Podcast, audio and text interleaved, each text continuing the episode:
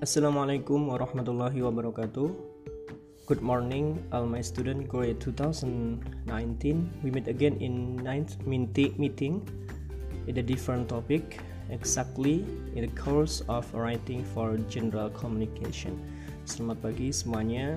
Uh, Prodi Pendidikan Bahasa Inggris UNU Yogyakarta angkatan 2019 bertemu kembali dengan saya dengan tentunya dengan materi yang berbeda dalam writing for general communication. Okay, today I would like to show you to give you some uh, different topic, but this is uh, still uh, same with uh, the previous meeting ya.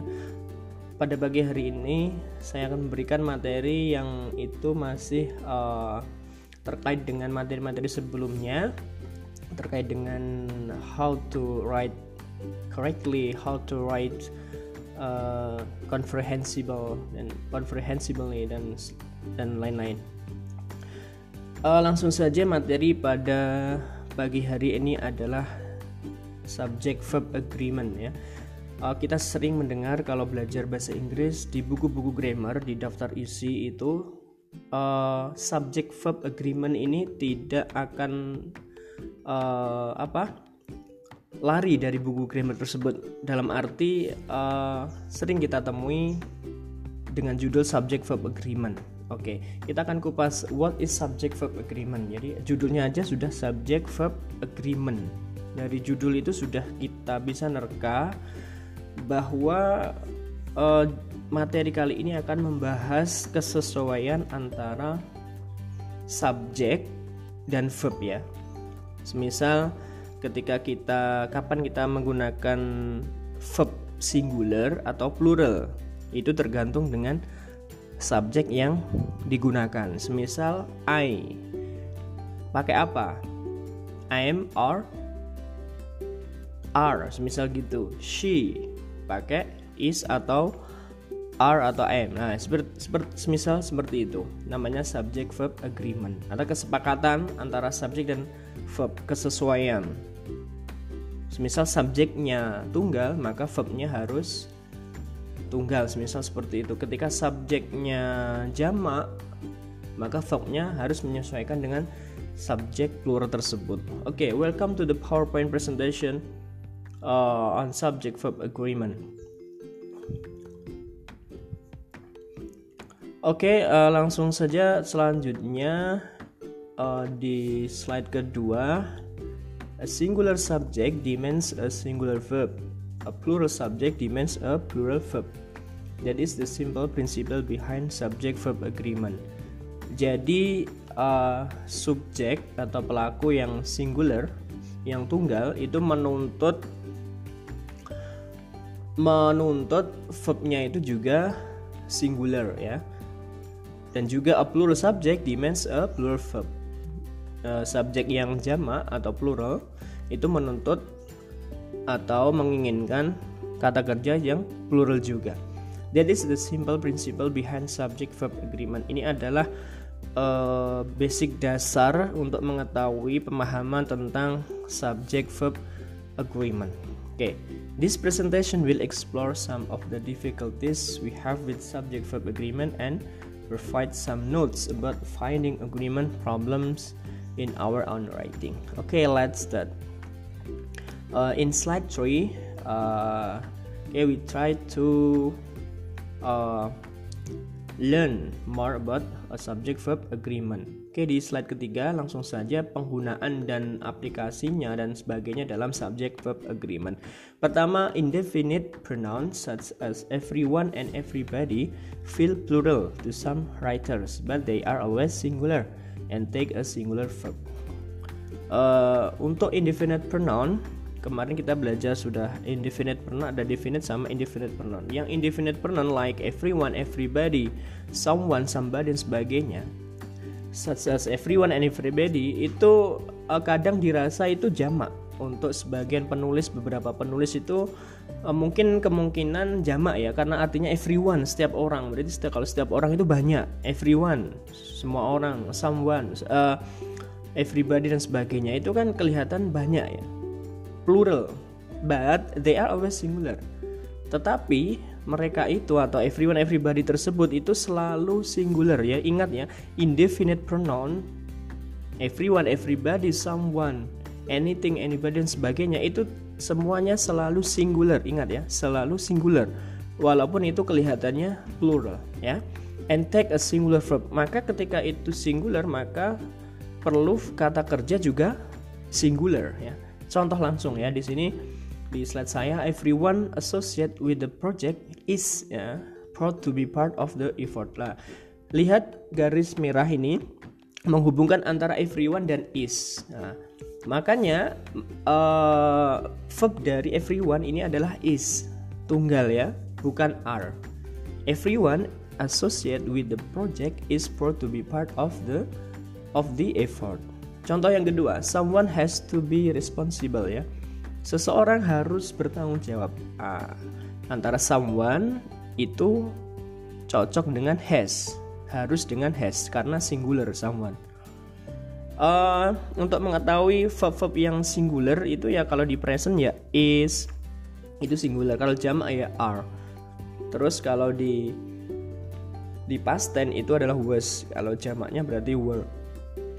Kalau di perfect itu kalau singular berarti has. Uh, lawannya berarti jamak adalah have. Nah, itu aja.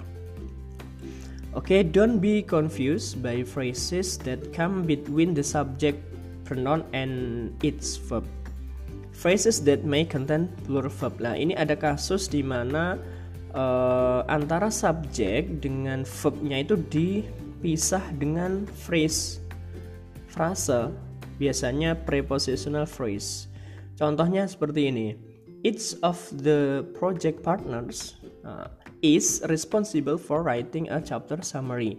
Nah, ini antara each saya hubungkan dengan is. Nah, ini dipisah dengan phrase ya. Phrase itu kumpulan beberapa kata ya. Kalau di sini berarti prepositional phrase karena diawali dengan of of the project partners.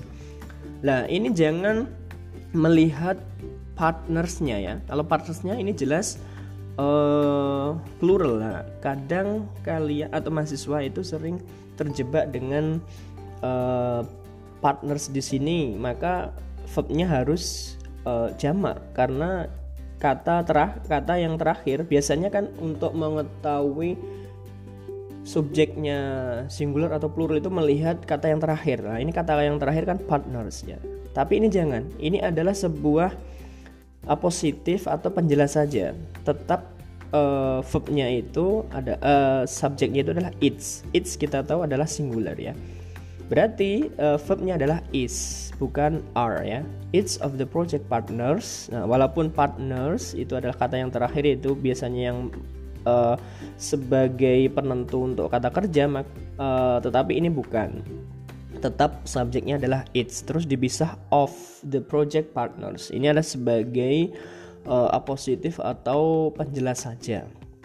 Maka uh, subjeknya uh, verbnya itu adalah singular. Oke, okay. next slide.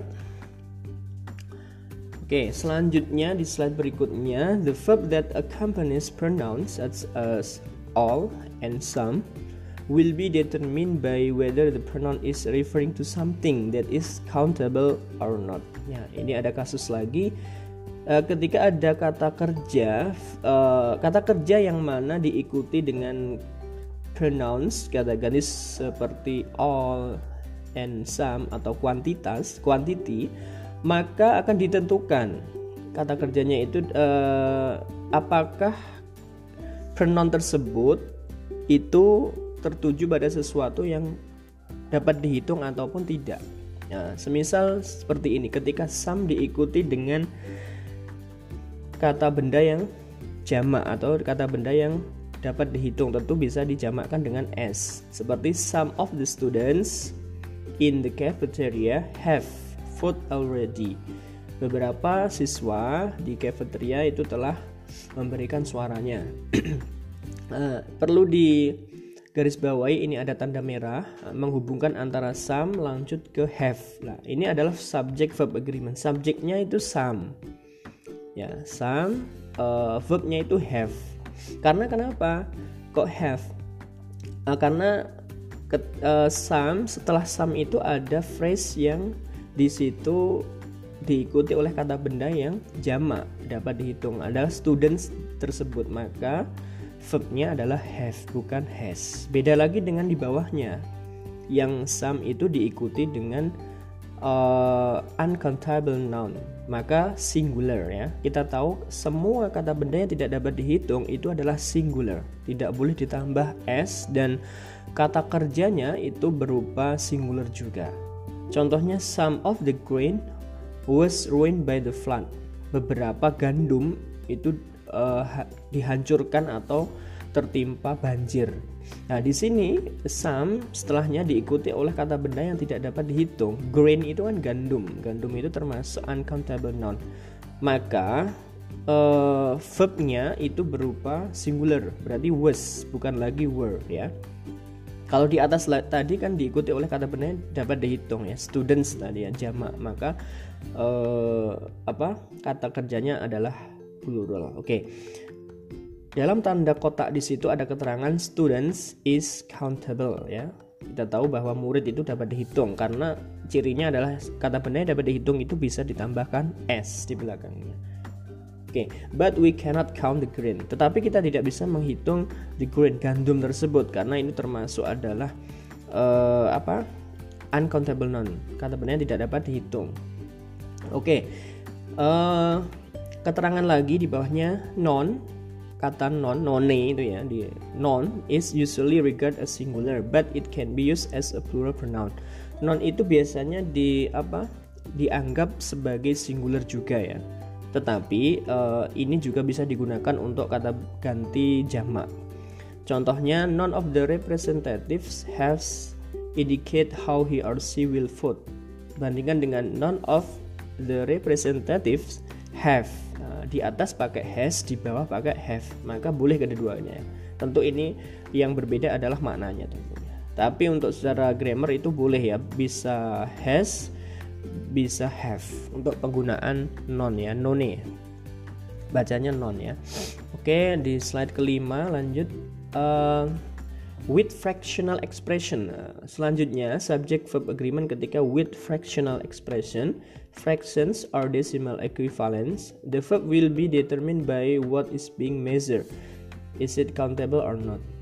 Uh, ketika subject verb agreement itu dengan ungkapan-ungkapan pecahan, kata-kata pecahan dalam matematika ya misal 1 per 2 nah, itu dalam kurung di situ fraction or decimal equivalent atau setara dengan desimal maka the verb will be determined. Maka kata kerjanya akan ditentukan by what is being measured dengan apa yang uh, sedang diukur tersebut. Apakah itu uh, countable ataupun uncountable langsung saja Contoh yang pertama, two fifths of the grain is ruin.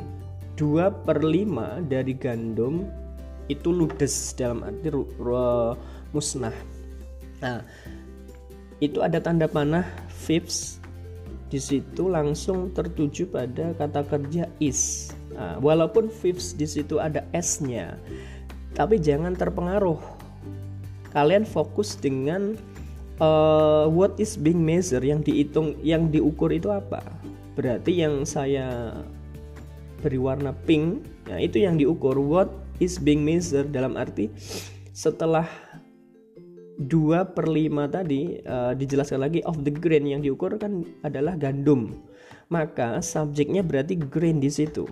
Berarti grain itu kan uncountable noun kata uh, kata benda yang tidak dapat dihitung. Maka kesimpulannya adalah verbnya adalah singular ya. Jangan ter uh, terkecoh dengan verbs di situ. Walaupun di situ kayak kelihatan di depannya kadang kita ketika menganalisis subjek itu terkecoh dengan se se semua yang di depan itu subjek. Nah, jangan jangan seperti itu. Uh, kadang di verb agreement uh, unik sekali ya. Yang di depan itu belum tentu subjek Nah, maka subjek di sini adalah what is being measured. Apa yang dihitung 2 per 5 dari apa maksudnya? Berarti kalau di situ berarti 2 per 5 dari gandum. Berarti gandum kan yang dihitung bukan 2 per 5 nya. Maka verbnya adalah singular. Oke, contoh kedua. One half of the students were convinced that there will be no final exams this year. Satu setengah satu setengah one half, satu setengah dari murid-murid uh, diyakinkan bahwa atau diberitahukan bahwa tidak ada ujian akhir tahun ini. Nah, maka one half di situ bukan termasuk subjek. Itu adalah apa? hitungan tadi. Yang dihitung apa? Satu setengah dari siapa? Dari murid. Nah, berarti subjeknya adalah students. Itu students berarti itu countable noun, maka dan jamak maka adalah verbnya adalah were ya students were. One half of the students were bukan was. Oke okay, uh, eh, contoh berikutnya. Of all the reasons we have count so far 50% are in favor of the referendum. Yang saya garis bawahi dan berwarna kuning itu subjek semua ya. Oke okay, kalau contoh yang ketiga ini uh, dari semua pengembalian yang sudah dihitung lebih lanjut 50% itu adalah referendum. Nah, maka ini yang menjadi subjek adalah returns ya. Bukan 50% ya. Tapi returns returns di sini adalah pengembalian itu uh, countable non dapat dihitung dan jamak. Maka uh, kata kerjanya adalah are di situ ya. Oke. okay. 50% eh, dari apa? Nah, 50% itu ada garis merah itu itu hitungannya ya. 50% dari apa? Dari pengembalian returns tadi. Dari awal kan sudah saya jelaskan uh, subjek di sini adalah what is being measured, apa yang dihitung, apa yang ditimbang. 50% dari pengembalian tadi. Berarti uh, subjeknya adalah returns.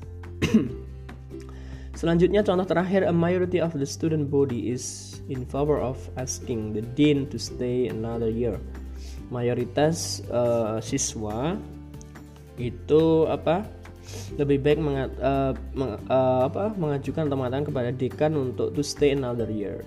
Nah, ini subjeknya adalah the student uh, the student body ya.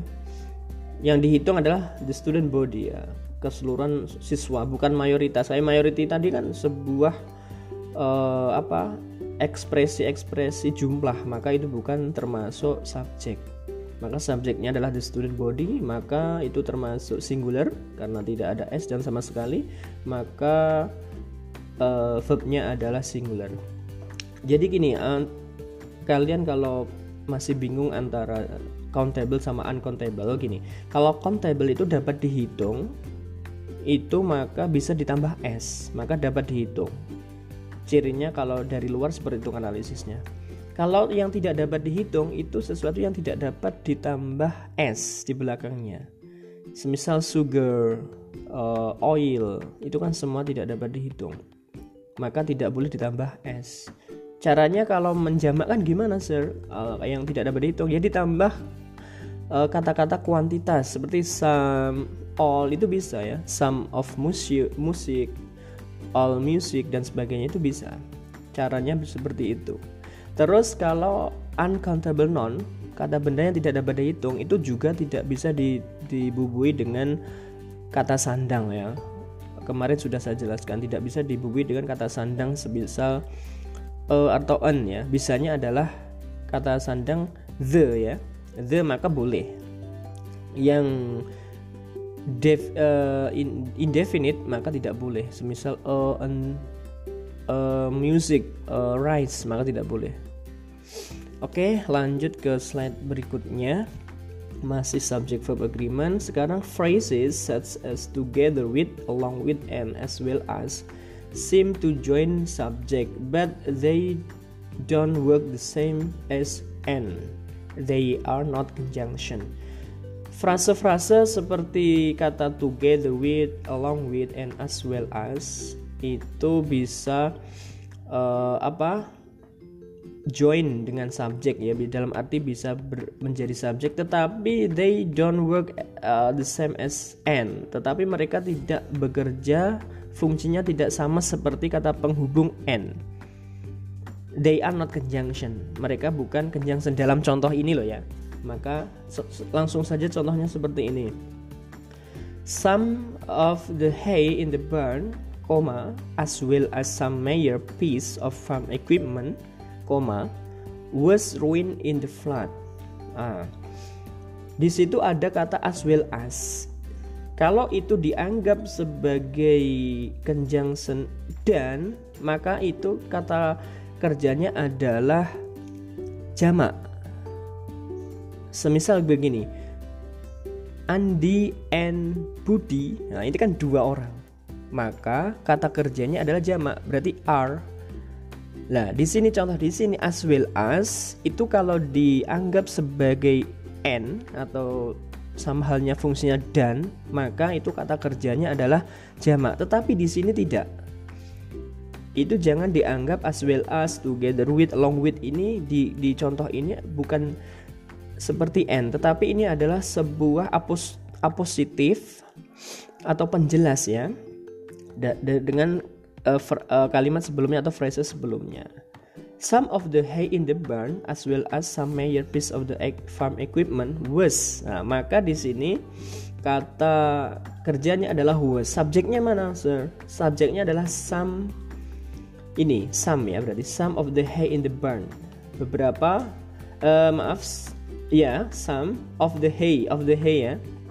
Subjeknya adalah some of the hay. Hay ini an, uh, ini kan jerami. Jerami itu termasuk uncountable noun. Kata benda yang tidak dapat dihitung, maka kata kerjanya adalah was singular ya. Nah, as well as ini adalah penjelas dari some of the hay in the barn. Kalau saya artikan beberapa jerami di uh, di apa itu lumbung ya in the barn lumbung. Dan juga as well as itu juga. Dan juga beberapa potongan dari perlengkapan petan uh, pertanian mungkin ada cangkul dan sebagainya was ruined in the flood. Uh, hanyut ditelan banjir. Uh, maka subjek di sini adalah some of the hay dan verbnya adalah was bukan were kalau as well as ini saya jadikan and maka sub verbnya adalah were Oke, okay, uh, contoh kedua, the mayor spending bill before Congress together with some other bills that are waiting action is. Nah, walaupun setelah the mayor spending bill before Congress itu adalah together with, kita tahu together itu kan bersama. Kemungkinan kalau bersama itu nanti dua orang, satu uh, lebih dari satu bersama. Maka kalau kita analisis, kita kan biasanya menerka-nerka itu kalau bersama itu jamak. Tetapi di sini tidak together with ini adalah penjelasannya penjelas di depannya. Maka uh, verbnya adalah is di situ. Oke lanjut. Sekarang informal writing when either and neither appear as a subject alone without their sidekicks or and nor they are singular. This is true even though the subject seems to be two things.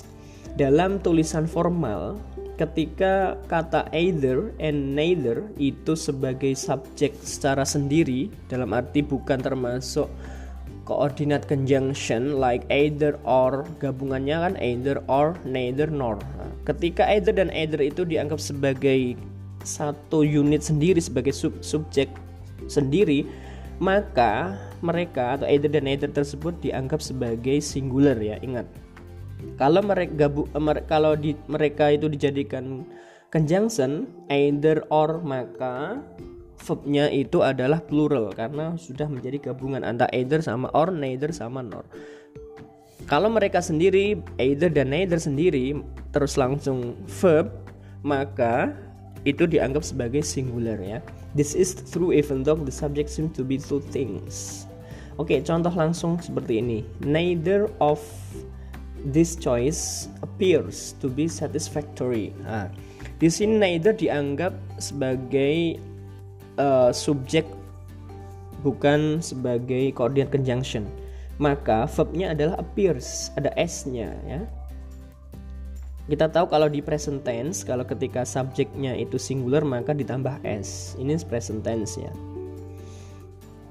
Uh, tentu ber, uh, enaknya kalau di past tense itu tidak kita baik itu subjeknya singular atau plural tetap kata kerjanya itu ditambahkan ed ya bedanya di past tense seperti itu. Kalau di present tense kalau singular maka ditambah s kalau plural maka tidak ada s. Nah, di sini neither kan uh, termasuk singular ya.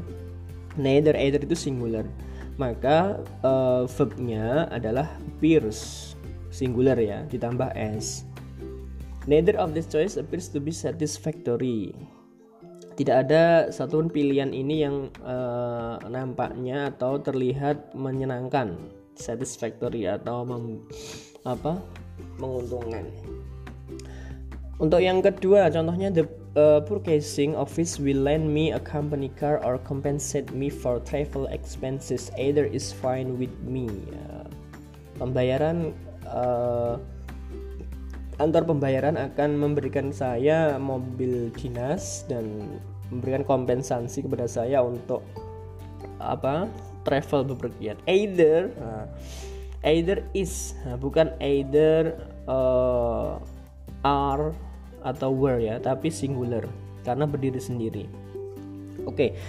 selanjutnya berbeda dengan ketika when either and neither x act as correlative conjunction, the subject that is closer to the verb determines the number of the verb. Uh, bayangkan bandingan ketika either dan neither itu sebagai correlative conjunction, maka subjeknya itu yang terdekat dengan uh, apa? gabungan dari neither. Contohnya langsung seperti ini. Neither the principal nor the teachers are. Nah, ini kalau di contoh awal tadi kan is. Kalau ini are, kenapa? Karena ini sudah menjadi correlative conjunction, neither gabungannya dengan nor. Kalau diartikan baik kepala sekolah ataupun guru tidak ada yang salah, tidak ada yang bersalah. Maka uh, subjeknya dilihat yang paling dekat dengan uh, verb berarti adalah teachers, bukan principal. Teachers di situ adalah jamak, maka uh, apa verbnya adalah are Contoh kedua, either the teachers or the principal has to be responsible for the year and festival. Kalau di sini yang terdekat dengan kata kerja adalah principal. Di kalau ini di apa pindah. Tadi yang di depan principal, yang di belakang uh, di depan teacher, sekarang yang principal. Berarti kalau ini principal berarti kata kerjanya singular has.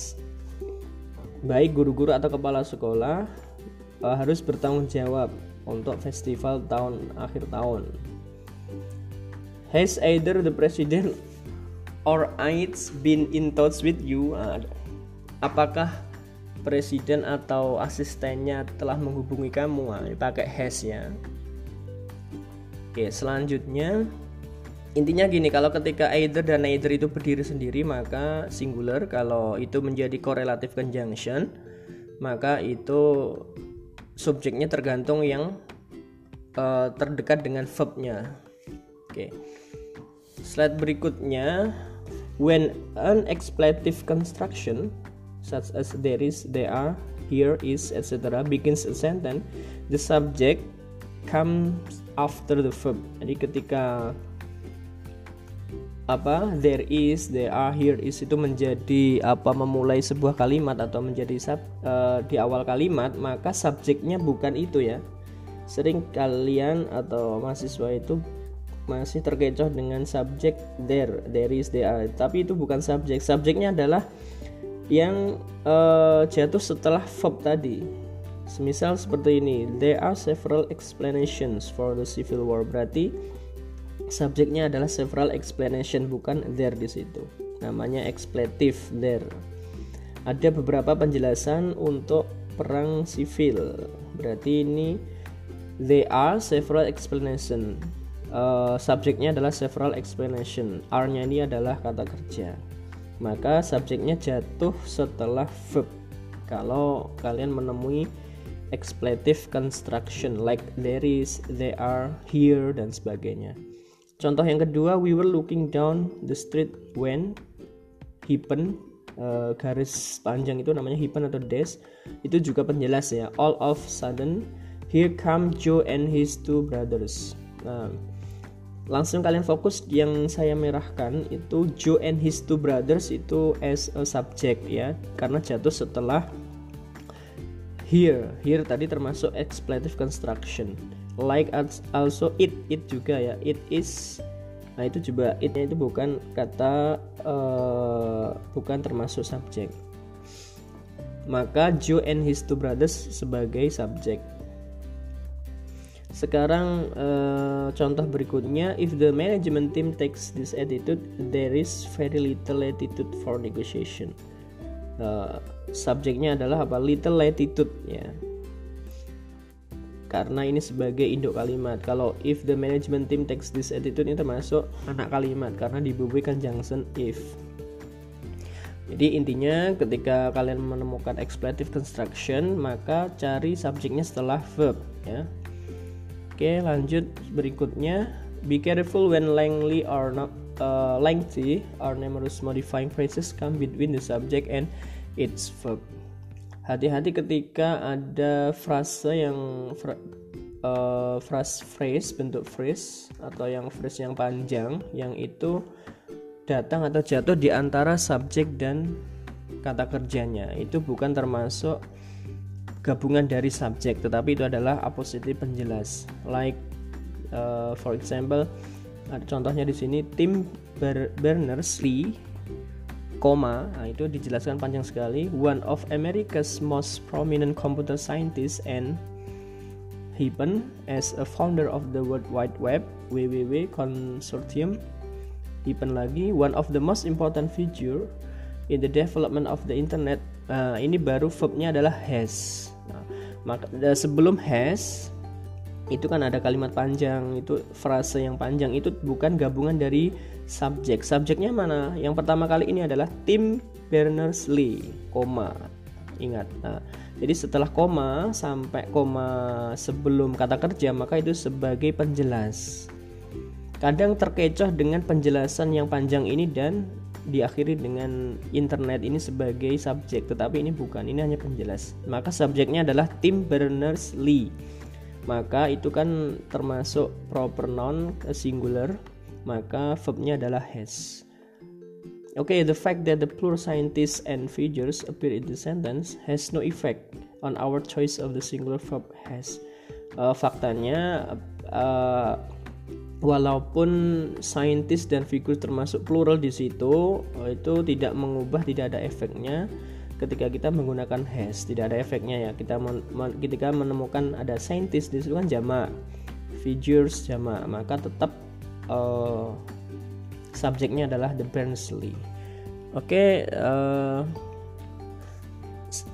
selanjutnya subject verb agreement penggunaannya with of phrases try turning the sentence inside out to find the right subject verb combination.